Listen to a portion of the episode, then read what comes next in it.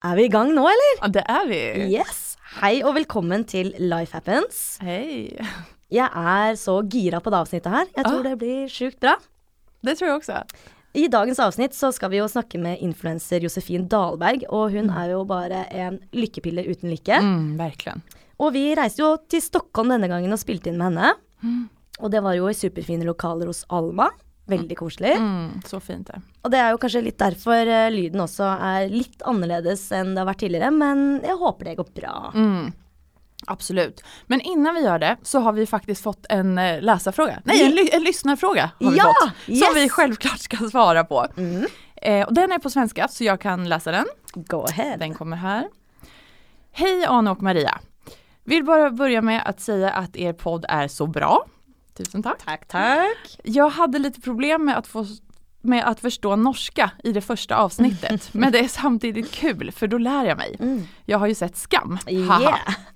Jag har en fråga gällande avsnittet med Nadja Kandil. Hon säger att den bästa raggningsoutfiten är den lilla svarta, men jag är så trött på det. Mm. Har ni några andra förslag på outfits? Och svara nu inte jeans och t-shirt, för jag är trött på det med. Jag är singel och har precis blivit redo att börja dejta igen. Mhm. Hoppas ni svarar, ha det bra. Kram från Emily. Ja. Mm, Emily. Kul att hon är pepp på att börja dejta. ja, I know. Jag älskar att hon ärligt skriver att hon är trött på det här klassiska som svart klänning och jeans och t-shirt också. Ja. Jag kan förstå henne. Först och främst så tycker jag att det är viktigt att säga att det faktiskt inte finns några regler på vad Mm. man ska ha på sig och inte. Så länge man trivs. Det är absolut viktigaste. ja, enig. Men om vi ändå ska ge några konkreta tips. Tänker jag, hmm, vad skulle du ha på dig? Um, jeg har jo kanskje to looks som jeg tenker sånn med en gang på, da. Mm. Eh, og det kommer jo egentlig litt an på hva du skal gjøre på den daten her. Um, om du skal liksom på kino, eller om du skal på, på middag. Mm. Um, eller kanskje bå båda två. Jeg blir helt svensk av den podden her. Men jeg liker jo å kle meg litt sånn casual, da. Um, og jeg, er veldig, jeg tenker jo overtenker hele tiden. Sånn, jeg er veldig redd for at ok, hvis jeg tar på meg det her, så kanskje jeg viser litt for mye hud. Eller hvis jeg tar på meg en kjole som er sånn og sånn, så pynter jeg meg litt for mye. Så jeg liker å liksom kanskje tone det ned med litt sånn sneakers, da, men ha et eller annet skjørt og en eller annen fin T-skjorte, eller bare en helt vanlig sånn hverdagslig kjole, rett og slett. Mm. Bare noe som jeg føler meg bekväm i, da. Ja men precis. Mm. Ja men jag håller med. Alltså klänning är ju sjukt skönt och det behöver ju inte vara liten och piffig så utan Nej. den kan ju vara mer avslappnad och, och härlig liksom. Mhm. Ehm, jag skulle nog köra på en lite mer, ja men en avslappnad klänning, typ med skinnjacka eller Ja. jeansjacka eh, och boots eller sneakers. Mm. Ja, Det tror jag. Det jo alltid en sikker vinner, da. Ja men det är ju det och det är skönt framförallt. Eller också, nu vill inte eh, Emily höra jeans Nei. men jag tänker om hon har hon behöver inte ha t-shirt till, hon kan ha en typ fin blus Mm. eller en fin skjorta. Nej Mm. inte skjorta kanske, Ja, det blir blus. kanske lite ja det blir för business. Ja. Men en, eh, en blus Ja. tänker jag. Och, eh, och sina favoritjeans och sneakers. Ja. Eller öppna skor. ja, altså Mm. The choices are out there, sier bare jeg. Ja, så länge hon känner sig bekväm. Ja, helt enig. Mm, absolut. Hoppas Emily att du fick några tips Ja. och lycka till med dejtandet. lykke til! Håper du finner the man or the girl of your dreams. Yes. Okej, men nu är det ju hög tid att eh, rulla igång med Josefin här. Du, det syns jeg vi skal gjøre. Ja. Da gjør vi det bare,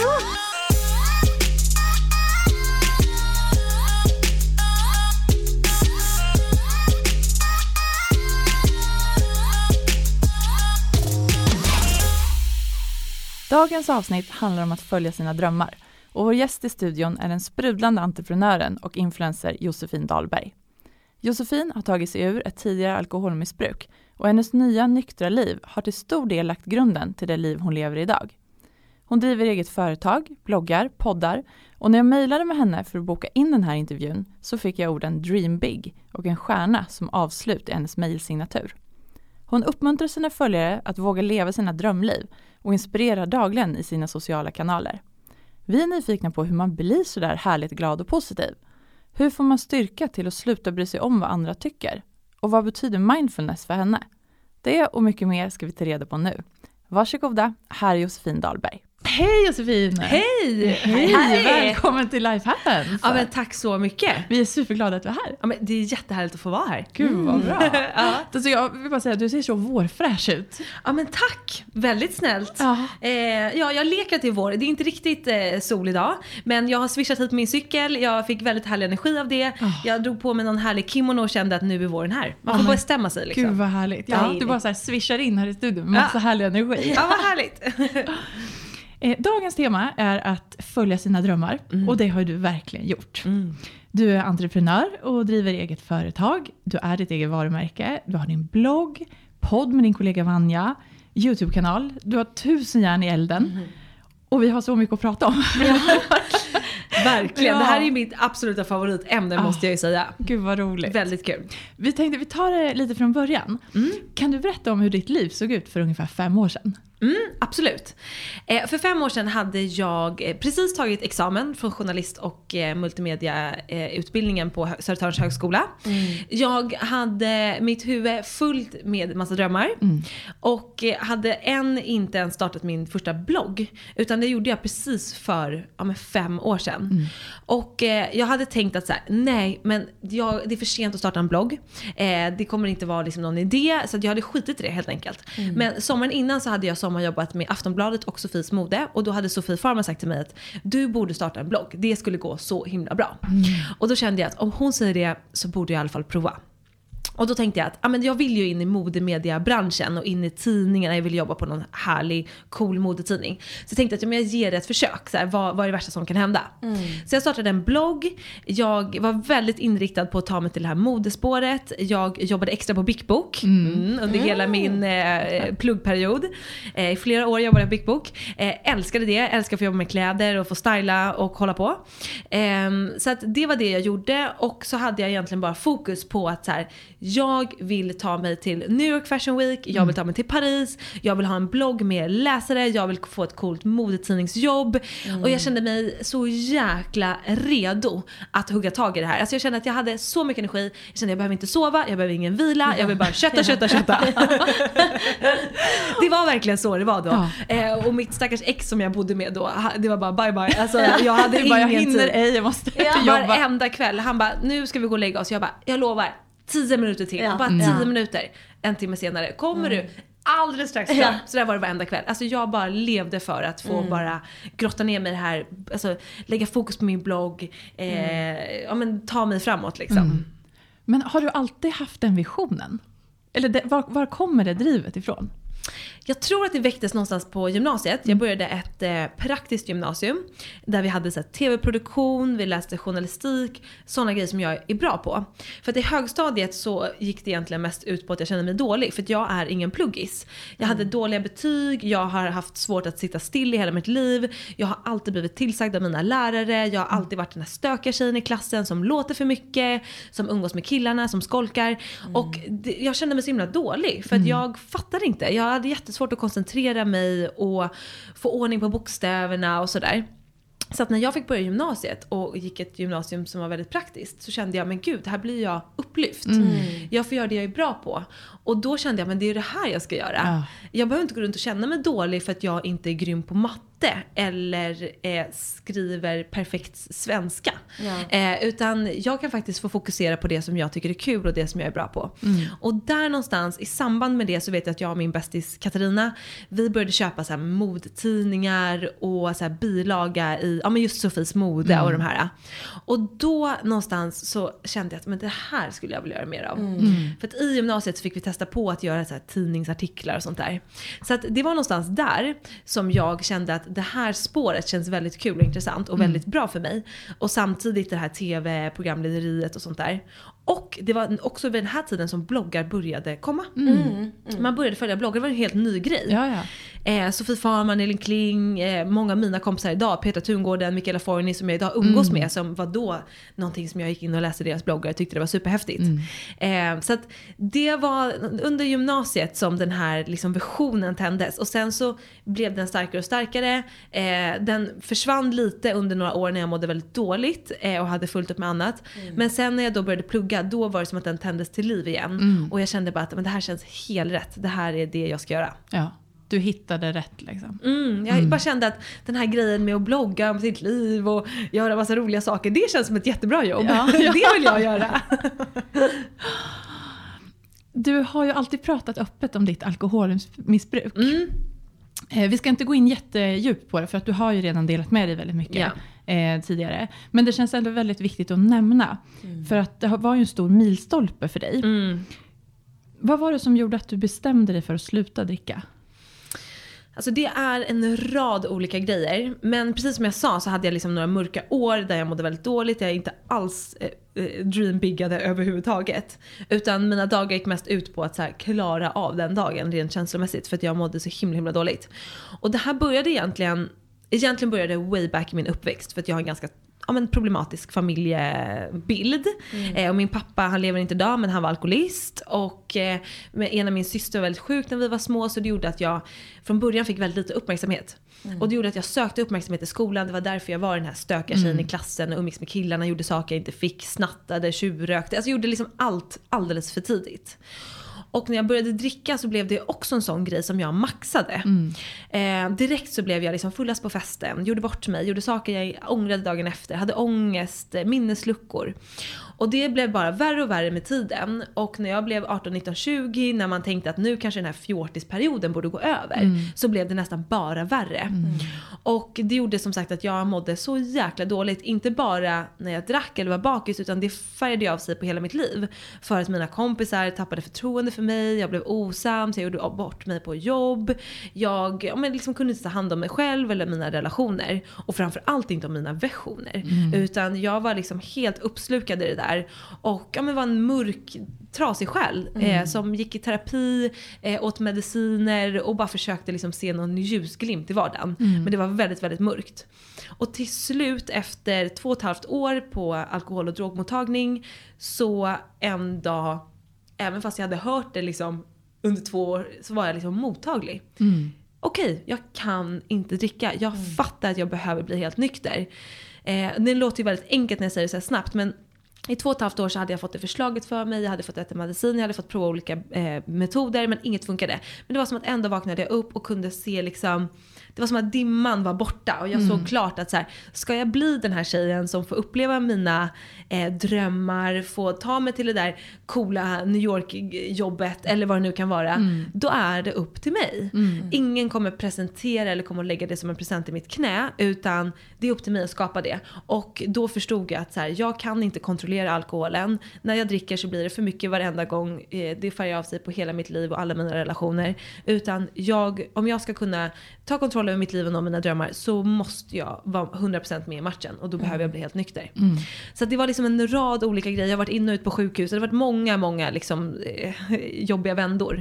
Eh, men till slut så landade det beslutet redan när jag var ja, 20-21 år. Ja. Så det blev liksom ett vägskäl egentligen, Ja. alkoholen, eller då dina visioner och jobb. Verkligen. Du var tvungen att välja. Jag var tvungen att välja och jag hade också en revanschkänsla i mig. För att när jag gick på högstadiet som sagt så kände jag mig dålig. Men sen när jag gick på gymnasiet så kände jag att jag var bra, jag blev uppmuntrad och mina lärare tyckte att jag var kreativ och duktig liksom. Och sen så när jag slutade gymnasiet och bara drack och festade så blev jag ju väldigt oseriös och när jag berättade att jag hade kommit in på journalistutbildningen så var det liksom många som bara "Ah, lycka till, ska du plugga? Och då kände jag nej, vad, vad, vad håller på att hända? Liksom jag vet ju vad jag vill i livet. Nu håller jag på att sumpa allt det här. Så här, Nu jäklar ska jag visa att, vem jag är. Så det var en viktig grej för mig att känna det. Att så här, ja, men jag vet att jag kan och nu jäklar ska jag visa både mig själv och de andra att jag faktiskt kan det. Ja. Men hvordan var de rundt deg, venner og familie, i den perioden hvor det var det mørkeste? Følte du at, du at de var der for deg og sa 'Josefin, dette er ikke bra'? Det var väldigt många som sa till mig eh, och väldigt många som var oroliga. Det här var ingen, när jag blev nykter, det var ingen nyhet för någon. Utan mina närmsta vänner som jag på slutet inte hade umgått så mycket med för de hade tröttnat på mitt beteende. De bara jublade ju liksom och bara gud vad bra att du har slutat dricka. Eh, mina festkompisar, jag hade samlat på mig massa kompisar så att jag kunde gå ut så sex dagar i veckan. De tyckte jag, de tappade jag kontakten med. Men även om min mamma hade satt ner foten innan eller mina kompisar ifrågasatte mig att nu måste vi göra någonting åt det här. Så lyssnade jag i två timmar och bara jag vet det är liksom nu får det räcka. Jag ska verkligen försöka, jag lovar aldrig mer. Och sen är det fest igen och jag är kalasfull en gång till ja. och gör bort mig och är dum och taskig och är otrogen eller vad det nu kan vara. Gör allt som liksom, jag inte vill göra annars. Men så att oavsett egentligen hur mycket eh, eh, hur många som hade sagt till mig innan. Så jag behövde bli klar. Alltså jag behövde känna att jag har testat. Så nu har jag testat alla metoder för att verkligen kunna ta det här beslutet om att jag behöver bli helt nykter. För hade jag gjort det kanske ett, två år tidigare då kanske jag sen hade vaknat upp och bara Men jag provade ju inte att eh, göra på det sättet. Ja, inte sant. Så att Ja, på något sätt så behöver man liksom nå sin egen botten och göra det, verkligen testa tills man förstår att det här funkar inte längre. Nej. Men hvordan fo- reagerer folk nå? Fordi jeg drikker heller ikke alkohol. Eh, Hvordan er det folk reagerer når du sier det? Hvis du møter mennesker som du ikke kjenner, og er det veldig sånn Hæ, hvorfor drikker du ikke alkohol? For det er litt sånn Vi er jo unge mennesker, og vi fester jo, og vi er jo blant Ja. ja men i början så var det jättemycket sånt. Folk kunde inte förstå. Och jag kände mig så, alltså jag kände att jag var skyldig att berätta min livshistoria. Bara för att få så här, och, du vet, och då satt ju folk med öppna munnar och bara okej jag fattar. Det är du okej att du inte tar dricka liksom. Men nu, jag, tycker, jag har lärt mig att för min del så handlar det mycket om min egen approach. Att i början var jag väldigt osäker och då var jag så här: nej jag dricker inte för att det hehehe. Men du kände att du var tvungen att förklara dig? Ja, och då blev folk såhär, vadå men skärp dig, ta ett Ja, glas. exakt. Idag är jag såhär, vet du vad jag dricker inte det jättebra, jag tar något vatten, det blir toppen. Alltså jag bara direkt visar att så här, jag är klar med det där. Eh, och sen om någon genuint är intresserad av att veta, då kan jag berätta. Men Eh, jag märker verkligen att beroende på hur jag säger det eh, så får jag feedback utifrån det. Ja. Eh, men så att idag är, går det mycket bättre. Men för så här 3, 4, 5 år sedan så var det väldigt mycket frågor. Men idag känns det mer eh, vanligt att folk har Ja slutat men dricka. verkligen, det gör det. Ja. Det känns ja, mye. Og fler och fler som faktiskt skippar alkoholen. Ja, det er veldig mange av mine venner som etter at de har sluttet å drikke alkohol, at de sier sånn Vet du hva, det høres veldig bra ut, det har jeg lyst til å prøve, jeg òg. Ja, Så men det verkligen. inspirerer jo tydeligvis andre til å Ja. Man trenger jo ikke alkohol for å ha det kult. Nej, Nej, man gör Absolut inte. inte. Verkligen inte. Och jag tänker så här, modebranschen, alltså som du är i, det är ju väldigt mycket events och det är fester och det är alkohol hit och dit. Ja. Men det är väldigt bra att det finns andra alternativ nu också, att det inte ja. behöver vara alkohol. Absolut. Det tycker jag är ett måste, alltså så här, oavsett om det är ett event eller födelsedagsfest eller glöggbjudning eller vad det nu är. Så det försöker jag alltid predika att så här, ha alltid alkoholfria eh, alternativ. Ja.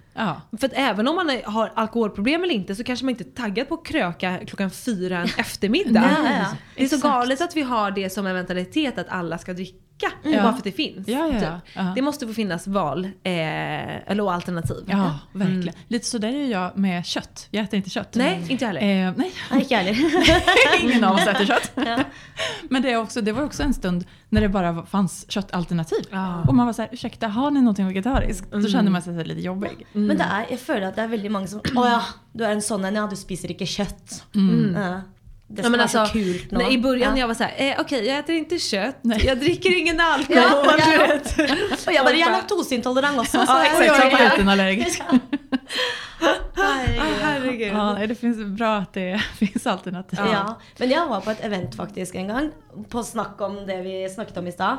Og da sa jeg du, unnskyld, har du noe brus, har du noe Solo eller Cola eller noe? Bare nei, det har vi ikke. Så jeg, nei, ok, men da kan jeg ta litt vann. Og de hadde ikke vann heller. Gud. Og sånn, Hvem er det som ikke kan tilby vann? Ja. Du må bare drikke Ja. alkohol. Ja, ja, ja. Nej men det är faktiskt, alltså många event har blivit bra men jag, också det där, ah, jo, ah, du får ta lite kranvatten. Alltså jag menar, Ja. kom igen, det är 2018. Ja. Alltså nu får det vara nog. Ja. Ge mig en lemonad. typ. Ja. Citronlemonad. Men ehm, vad kan man som vän göra om man märker att det är någon kompis som man har som dricker för mycket? Vad, vad har du för råd till någon då?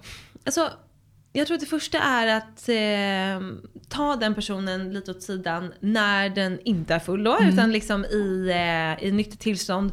Och inte försöka döma ut den personen med att så här, men du är så jobbig, du blir alltid så jävla full, jag orkar inte med det längre. För det tror jag liksom kanske kan trigga mer än, än liksom hjälpa. Utan mer så här, shit jag har börjat märka att det blir lite fel när du dricker eller jag blir orolig. Så här, kan vi snacka om det här? Att man öppnar upp på ett kärleksfullt sätt och visar att du gör det här med omtanke. Inte att eh, peka ut att den personen har gjort något fel eller så. Men eh, om det inte funkar och personen inte vill prata. Så att ibland kan man också behöva ta till yttre hjälp. Alltså min kompis var så här, jag har kollat upp ett ställe eh, där vi kan söka hjälp. Du får följa med mig dit. Och det behövde jag. Mm. Så att man får lite kolla av läget vad det är, vilka, vilken eh, nivå man behöver ta till. Mm. Men jag tror absolut att visa liksom att jag gör det här för att jag bryr mig om dig, jag älskar dig och jag liksom känner att det är någonting som inte känns bra. Eh, och sen så som sagt nästa steg att faktiskt komma med ett konkret exempel. Mm. Eh, för att just om man ska börja ta tag i någonting som är så svårt, då man, man kanske inte riktigt förmögen att kolla upp det själv. Nej. Och vad behöver jag för hjälp? Man känner att här, nej det där är inte jag, Mm. det där är för överdrivet. Då är det väldigt skönt att ha någon som bara, det enda du behöver göra det är att följa med mig. Mm. Så att eh, googla runt lite. Det finns, man kan, eh, på min blogg om man söker på Josefin Dahlberg så har jag i många inlägg eh, listat hemsidor längst ner. Eh, när jag skriver om alkohol och nykterhet. Ja, Ja, det det är jättebra. Mm. Mm. Du är ju verkligen en så otroligt positiv och inspirerande person. Mm, tack!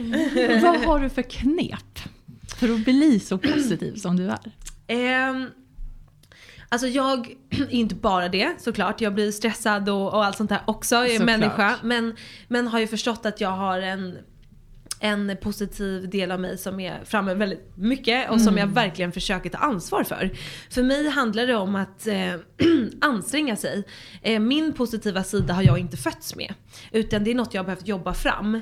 Och det har lärt mig att det går att jobba fram. Och att det är som vilken övning som helst. Alltså, du kan inte gå och göra tio armhävningar och sen tro att du ska ha värsta bicepsen. Utan så här, du behöver hålla det uppe och ju mer du tränar desto starkare blir du. Och på samma sätt är det med all mental träning. Alltså om det handlar om meditation eller det handlar om mindset. Ju mer du övar desto lättare blir det. Och i och med att jag har gjort min personliga utvecklingsresa i åtta år så är det ganska mycket som kommer gratis idag. Att jag har ett ganska bra grundmående. Och när jag hamnar i en svacka eller jag blir stressad eller vad det nu kan vara. Då vet jag lite vilka verktyg jag ska ta till. Eh, så att mina knep är egentligen att söka. Alltså börja eh, lyssna på inspirerande podcast, läsa böcker, kolla på inspirerande så här, videos på YouTube. Eh, det funkar. Eh, och eh, förstå att det är någonting man måste träna upp. Eh, det handlar inte om att läsa ett citat en gång och sen ska det sitta i för resten av livet. Utan eh, det är som med vilken träning som helst. Ehm, och eh, liksom Många kan ju, jag kan höra så här, men jag är inte så som person, jag är så här. Alltså vi är eh, förändringsbara. Vi Ja. kan förändra oss, vi kan lära oss ett annat mindset, vi kan lära oss att se lösningar istället för problem, vara positiva istället för negativa. Jag är verkligen ett praktexempel på det. Eh, så det går. Eh, men man måste orka liksom söka för att få ut någonting. Ja. Och hålla i. Jag tänker i din blogg, du har ju ett återkommande tema som heter Monday Mantra. Mantra. Alltså det är så bra! Ah, kul! Ja!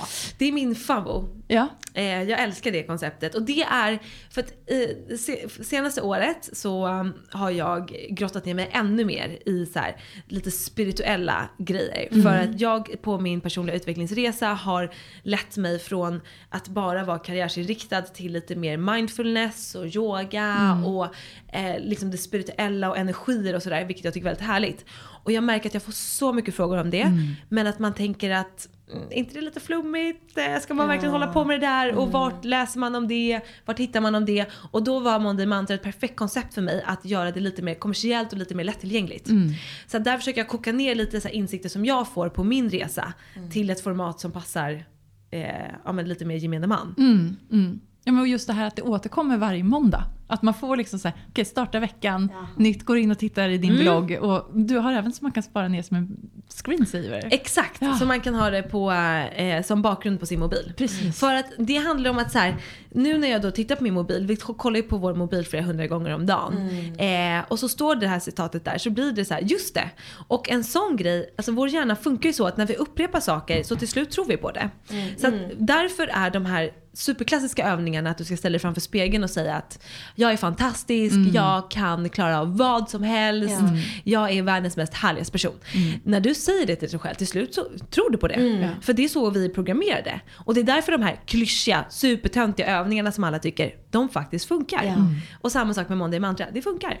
Ja, det är helt fantastiskt. Ja. Gud, jag måste prova, jag har läst så mycket om det där, att stå i Mm. spegeln och säga. Ja. Men det är ju det som är grejen, att man tänker så här, ja ah, men det där knepet har man hört så många gånger, ja ja.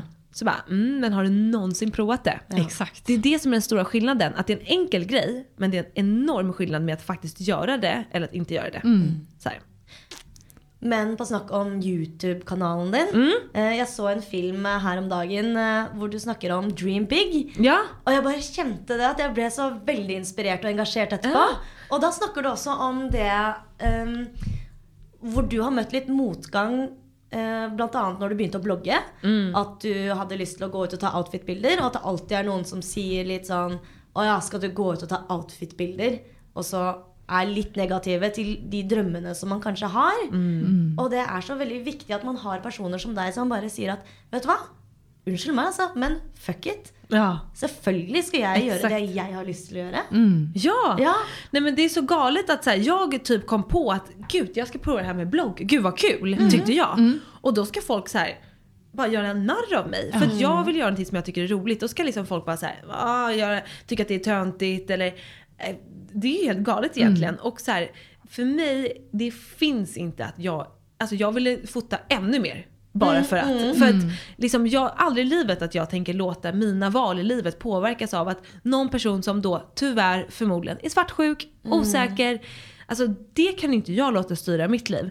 Men, och även mina lärare gjorde narr av mig. Alltså verkligen. Eh, om, om mina vänner, min familj. Och det, ingen tyckte att det här var en bra idé. Men jag bara kände att så här, det här kommer bli bra. I, jag ska visa er. Ja. I promise. Ja, alltså det är så otroligt bra. Och som du säger Aron också, det här att man liksom bryr sig så mycket om vad andra tycker.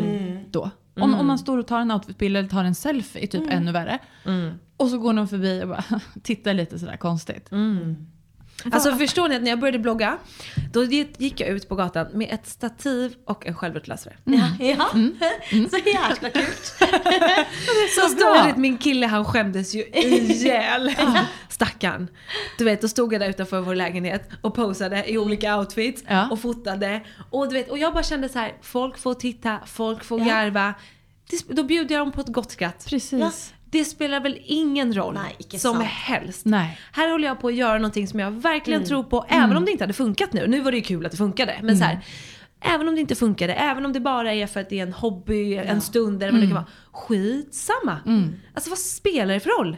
Det spelar ju verkligen ingen roll. Är det så rätt inställning? Og så må man bare huske på at alle har forskjellige drømmer. Ja. Og det må man bare akseptere. Ja. Ja. Och respektera och Ja. inte då tracka ner på någon annan för att man Nej. tycker att det är lite Ja, ja, nettopp. töntigt. Nej, nej verkligen inte. Finns det stunder där du tvivlar på dig själv? Inte så ofta, men precis som alla andra, alltså när man gör en stor förändring i livet så är vi ju lite programmerade så att vi blir osäkra i och med att vi är vanepersoner. Alltså man ska ju, man tycker att det som är lugnt och skönt och tryggt, det är där man ska vara. Och så fort man kastar sig ut i något så blir man ju lite orolig och så. Det är ju liksom rent eh, mänskligt beteende. Men i och med att jag vet att det är så, så låter jag inte mig styras av det. Utan jag är så här: nu är jag osäker för att jag provar någonting nytt. Bra Jossan, allt är precis som du ska. För att om jag går runt och känner mig trygg hela livet, då har inte jag riskat någonting. Nej, precis. Eh, så att sist jag kände mig väldigt liksom, osäker och tvivlade på mig själv. Det bara var i början av året. Jag sa upp alla mina säkra inkomstkällor. Jag eh, startade min egen liksom, sida. Jag anställde en tjej. Jag skulle alltså betala lön till mig själv, till en annan person. Och du vet, jag vaknar upp och bara, vad i helvete håller jag på med? Vad fan tror jag att jag gör? Alltså, vem tror jag att jag är? Det här kommer aldrig gå. Nej men gud, okej jag får ta något extra jobb, jag får liksom, jag vet inte vad, vad jag måste ha en plan B, plan C, plan, ja men du vet. Jag verkligen totalt tvivlade på mig själv.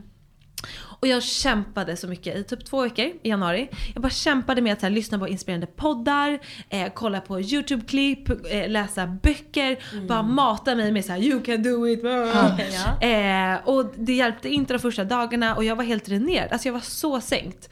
Och bara kände mig, ja men verkligen tvivlade på min förmåga. Men liksom, sen så släppte det där och jag är glad att jag inte då under de två veckorna eller vad det nu var, så backade. Och bara, nej jag ångrar mig, det här är inget bra. Utan att jag bara, jag vet att det känns så här för att jag tar ett stort kliv. Eh, det är helt okej, det är mänskligt och du kommer fixa det här. Så här se till att mata dig med bra grejer så kommer det bli bra. Eh, och det har ju blivit väldigt, väldigt bra. Så att jag tvivlar när jag tar stora kliv eh, en liten stund. Men, men generellt så, nej jag tvivlar faktiskt inte så mycket på mig själv. Eh, det, mm, jag har ju liksom jobbat bort det faktiskt. Ja, väldigt skönt. bra. Ja, verkligen Väldigt bra. skönt. Har du et godt tips til hvordan man kan komme seg videre? holdt jeg på å si? Ja. Ja. Nej men eh, både det här vi har pratat om att söka, att leta i liksom poddar, alltså, liksom boosta sig själv. Men sen också att inte ta varken sig själv eller livet på för stort allvar. Alltså se livet lite mer som en lekplats. Eh, ta för sig av det som finns, testa nya saker, skitsamma. Eh, två saker gick åt helvete, en sak gick bra, perfekt, då kör vi den. Ja. Alltså, bara släpp ner axlarna, släpp tyglarna, kör lite mer liksom. Eh, för mig har det funkat asbra och jag vet massa det har funkat för. Det kommer säkert funka för er också. Det finns liksom, Ja. det är bara att prova sig fram. Så att släppa garden lite grann. Och senast nu, eller faktiskt jag tvivlade på mig själv jäkligt mycket senast när jag skrev min bok. Eh, som jag hade deadline på bara för ett par veckor sedan. Jag grät, jag sa jag skiter i den här jävla, förlåt gud vad mycket jag svär. Men eh, jag hoppas det är okej, förlåt Big Bok. Eh, men jag kände så här, jag struntar i den här boken, jag lägger mig. Jag klarar inte av det här, det är för svårt. Ja. För det var ett never ending story. Alltså det var bara så jäkla mycket jobb och eh, det kändes omöjligt. Och till slut så kände jag bara att, men okej, varför gör jag det så svårt för mig själv? Ja men det är för att vi har bestämt att ge ut en bok, då ska det vara på ett visst sätt och en bok den ska vara så smart och den ska vara skriven på ett visst sätt. Jag bara, men gud, det, jag skriver på min blogg varje dag. Det går hur bra som helst. Bara för att jag ska skriva en bok nu så börjar jag hålla på och märka mig själv på orden. Så här, sluta! Se det här som ett väldigt långt blogginlägg istället. Och när jag bara ändrade det mindsetet till att så här, det här kommer inte bli världens mest bäst uppbyggda bok. Det fattar jag också för jag har skrivit den på typ nätterna. Eh, men jag ser det som ett långt blogginlägg, jag så här, sänker kraven. Helt plötsligt så kändes det så mycket mer genomförbart. Så att alltså, släppa alla de här kraven, herregud. Bara testa lite mer, leka lite mer. Inte ta allting på så stort allvar. Det är faktiskt mitt bästa tips. Ja, sjukt bra tips. Ja, Det väldigt. handlar ju verkligen om inställningen. Ja, ja absolut. Ja, nej men det är A och O. Ja. Alltså, allt börjar med våra tankar. Men så tenker jeg òg Du har jo Jeg har jo fulgt litt med på deg, og jeg syns det er mange ting som jeg bare føler eh, kan være litt mindfulness, som vi snakket om i stad. da. Som annet, du er jo ekstremt flink på interiør. Eh, og det tenker jeg, det er også en ting som man bare fokuserer på. Altså, eh, klarer man kanskje å slappe av litt eh, innvendig. Og så har du i tillegg skaffet deg en hund. Herregud, Världens så sötaste. Ja. Lilla Moon. Ja. lilla Moon. Nej, men jag kände att det var dags att ännu mer släppa liksom, taget kring att bara jobba, eh, prestera, prestera, utan lite mer, leka lite mer helt enkelt. Och jag har velat ha en hund ganska länge men känt att jag har inte tid och sen så tänkte jag att så här, men jag är ju faktiskt eh, queen över mitt eget liv. Vill jag ha en hund så löser jag ju det. Eh, då får jag prioritera om helt enkelt. Och eh, jag har bara haft henne i två veckor och det är självklart att det är krävande så jag går upp med henne på nätterna och kissar och hon kissar inne och det är en jävla tålamodsprövning. Ja. Men det är typ det bästa som har hänt. Alltså det är så himla härligt och Åh. jag bara älskar den här lilla varelsen, personen eh, och njuter liksom av att vakna på morgonen för när jag ser henne så blir jag så glad. Jeg vil gråte! Jeg har lyst til å kose med henne nå! Nej men det är ett lifehack att köpa en hund. Ja. Alltså man blir så glad. Ja. Du vet på morgonen jag går ut vid fem och hon bajsar. Alltså den lyckan, jag visste inte att den existerade Nej. innan. Ja, ja, ja. Jag blir så lycklig. Ja. Ja. Men gud, är vad mysigt. Jag Vad också skönt, nu bajsar hon inte inne på Ja. golvet. Så, så fort hon gör det ute så blir jag så glad. Jeg husker jeg hadde en valp, jeg også. Og det var Ah. sånn, det er et styr, for du må løpe ut. Og så ofte på kveldene så er det sånn Jeg vet at du må bæsje. Nå Ah. bæsjer du! Hvis ikke så må jeg opp klokken tre i natt. Ja. Det er det ingen som gidder. Men man må jo bare det, da. Ja. Du var ju lite inne på det. Eh, det med yoga och meditation, att det är väldigt viktigt för dig. Ja. Ehm, och många sitter säkert och, och lyssnar och tänker att det verkar spännande och så man, vet, man vet inte riktigt hur man ska börja. Hur, hur, börjar började man? du? Ja, hur börjar man? Alltså jag började, jag mediterade första gången för kanske sex år sedan. I och med att jag har haft väldigt svårt som jag berättade om att så här, koncentrera mig, sitta stilla. Och när jag började då bli nykter och började jobba med mig själv så fick jag det ganska tidigt som en övning att börja meditera. Och för mig var det typ ett skämt. Alltså jag bara, aldrig i livet. Det där funkar inte. Jag kan inte sitta stilla. Jag tyckte också det var ganska coolt att så här, jag är för rastlös för yoga eller jag är för rastlös för att meditera. Att det var lite balt att eh, vara så här, eh, on fire hela Ja. tiden. Nu tycker jag att det är ascoolt att så här, köra racet men också kunna sätta sig och bara tune in och vara helt avslappnad. Det tycker jag är superhäftigt. Så att eh, någonstans under vägens gång så skiftade mitt mindset lite och jag kände att jag behöver nog den där pausen. Så jag började sätta mig och i början kändes det bara så här, jag vet inte vad jag gör. Gör jag rätt? Eh, är det så här, jag sitter ju bara här, det kommer tankar, hur gör man? Och så Ja. känner alla. Och så känner jag fortfarande ibland. För att det handlar inte om, framförallt meditationen då, om att så här, sätta sig och allting stängs av. Alltså det tar väldigt lång tid innan man kommer dit. Tankar kommer alltid komma. Det viktiga är att vi förstår att vi är inte våra tankar. Om jag känner så här, nej men gud, oj, nej det där jobbet, jag kommer aldrig få det, det är för många som, som liksom söker det, bla bla bla. Det är inte sant. Alltså det är bara en tanke som kommer, det är inte jag. Och så fort vi kan bevittna våra tankar så fattar vi att vi inte är våra tankar.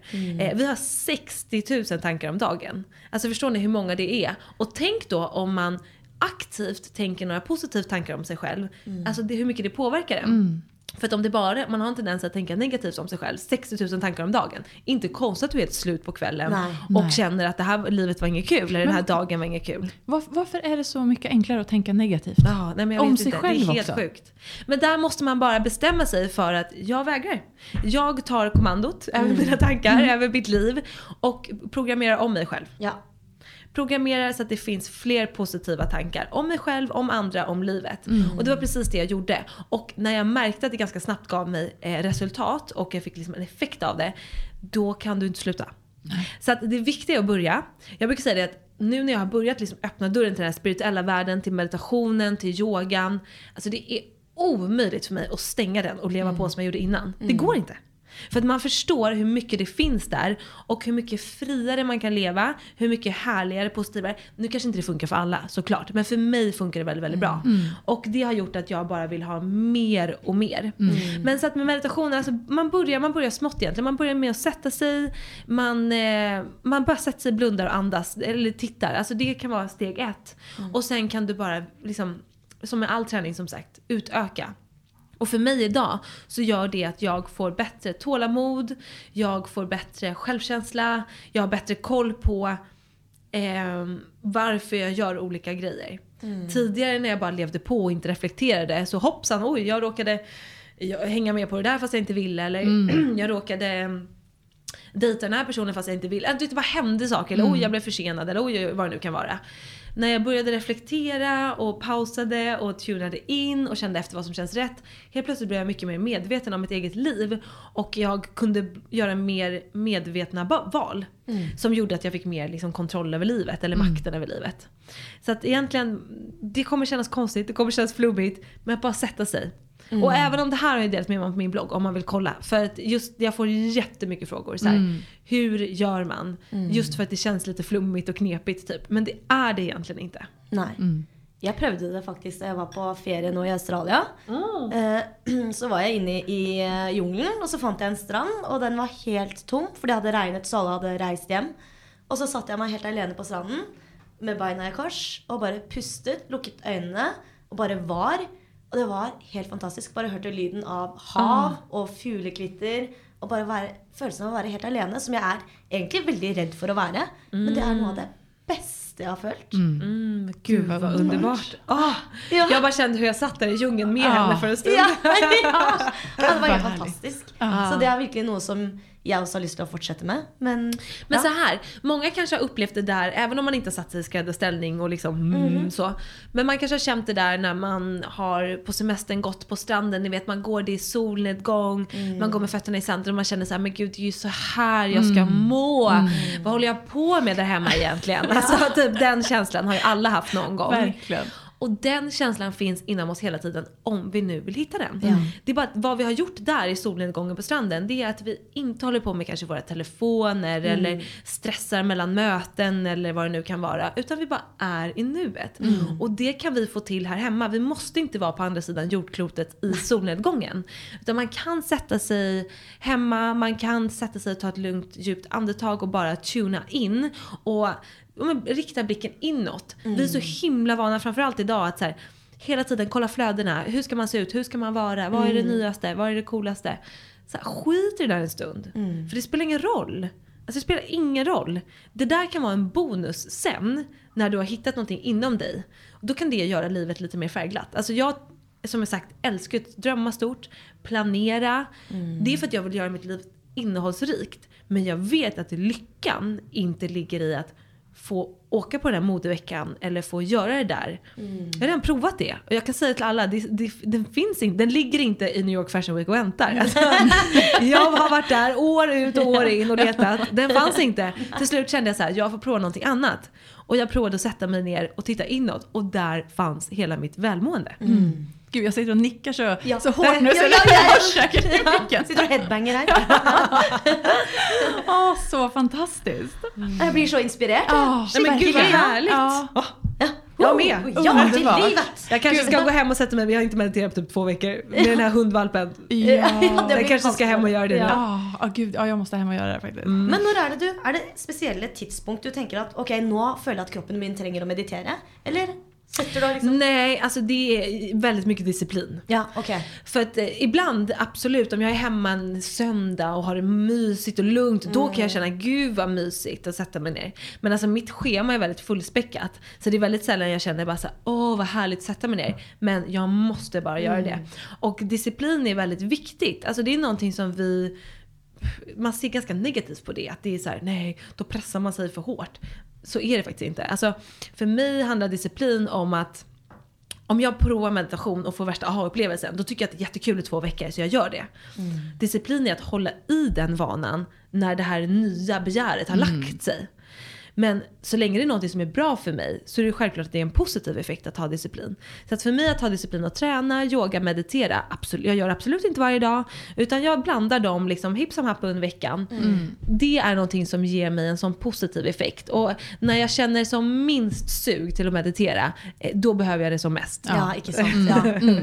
Ja. Så att det är faktiskt bara att sätta sig. Och fem minuter är bättre än ingenting. Ja. Ja. Jeg tror jeg men gjør det, det det är ja. också bra att, att ha med sig att ja, lite är bättre än inget. Ja, alltså verkligen. Jag gjorde nu en, ett inlägg med ett så här 15 minuters träningspass. Eh, för att 15 minuter kan ju låta så här, men vad ger det? Ja, det ger mer än ingenting. Precis. Och alltså jag kan säga att det här träningspasset är fett jobbigt. Jag fick träningsvärk dagen efter när jag spelade in det. Men så att det är liksom, allt är bättre än inget. Ja. Eh, och sätta sig ner i tre minuter, ja men gör det. Superenkelt, det kan man ju få till. Sitt på toan liksom. ja. Man får Smart. ta till, ta till knepen när man redan har dem. Eller sitta på bussen, det Ja. går jättebra också. Ja. Är det något eh, ämne som du tycker att vi ska prata om här i podden? Som du tycker vore kul att lyssna på? Mm. Åh, vilken bra fråga. Ehm, Gud, det finns så många olika ämnen. Men eh, jag hade tyckt att det skulle vara spännande att höra mer om ja, lite det här spirituella. Eh, kanske att våga... Eh, eller att någon som har vågat ta sig utanför sin comfort zone och prova på någonting, kanske det spirituella, eller så är det någonting helt annat. Eh, jag tycker att allt inom typ eh, välmående hälsa är superinspirerande just nu. Eh, jag har ju alltid varit en godisråtta hela mitt liv och ätit precis allt jag liksom är sugen på. Men just nu känner jag faktiskt ett ansvar över att ta hand om min kropp och boosta mig med bra grejer också. Kommer aldrig sluta med godiset. Så att någon som har liksom kunskap om det där tycker jag är väldigt spännande. Och sen älskar ju jag så här konkreta karriärstips. Så att eh, lite girl power, eh, dream big karriär hade ju varit väldigt trevligt att lyssna på. Det gillar vi. ja. Super, super härligt och inspirerande att prata med dig. ja, veldig. Åh, tack, Tack så jättemycket för att du kom hit. Ja, Tack, takk. tack. Tack. Life Happens er en podd av Bik Bok, og vi som gjør den heter Maria Rogersdotter og Ane Gullstrøm. Produksjonsselskap er Moderne Media. Om du har frågor eller förslag på gäster som du skulle vilja höra här i podden, mejla oss gärna på lifehappens@bickbock.com eller skicka ett DM på Insta som är bickbock. Vi hörs snart igen. Hej så länge! Ha det bra!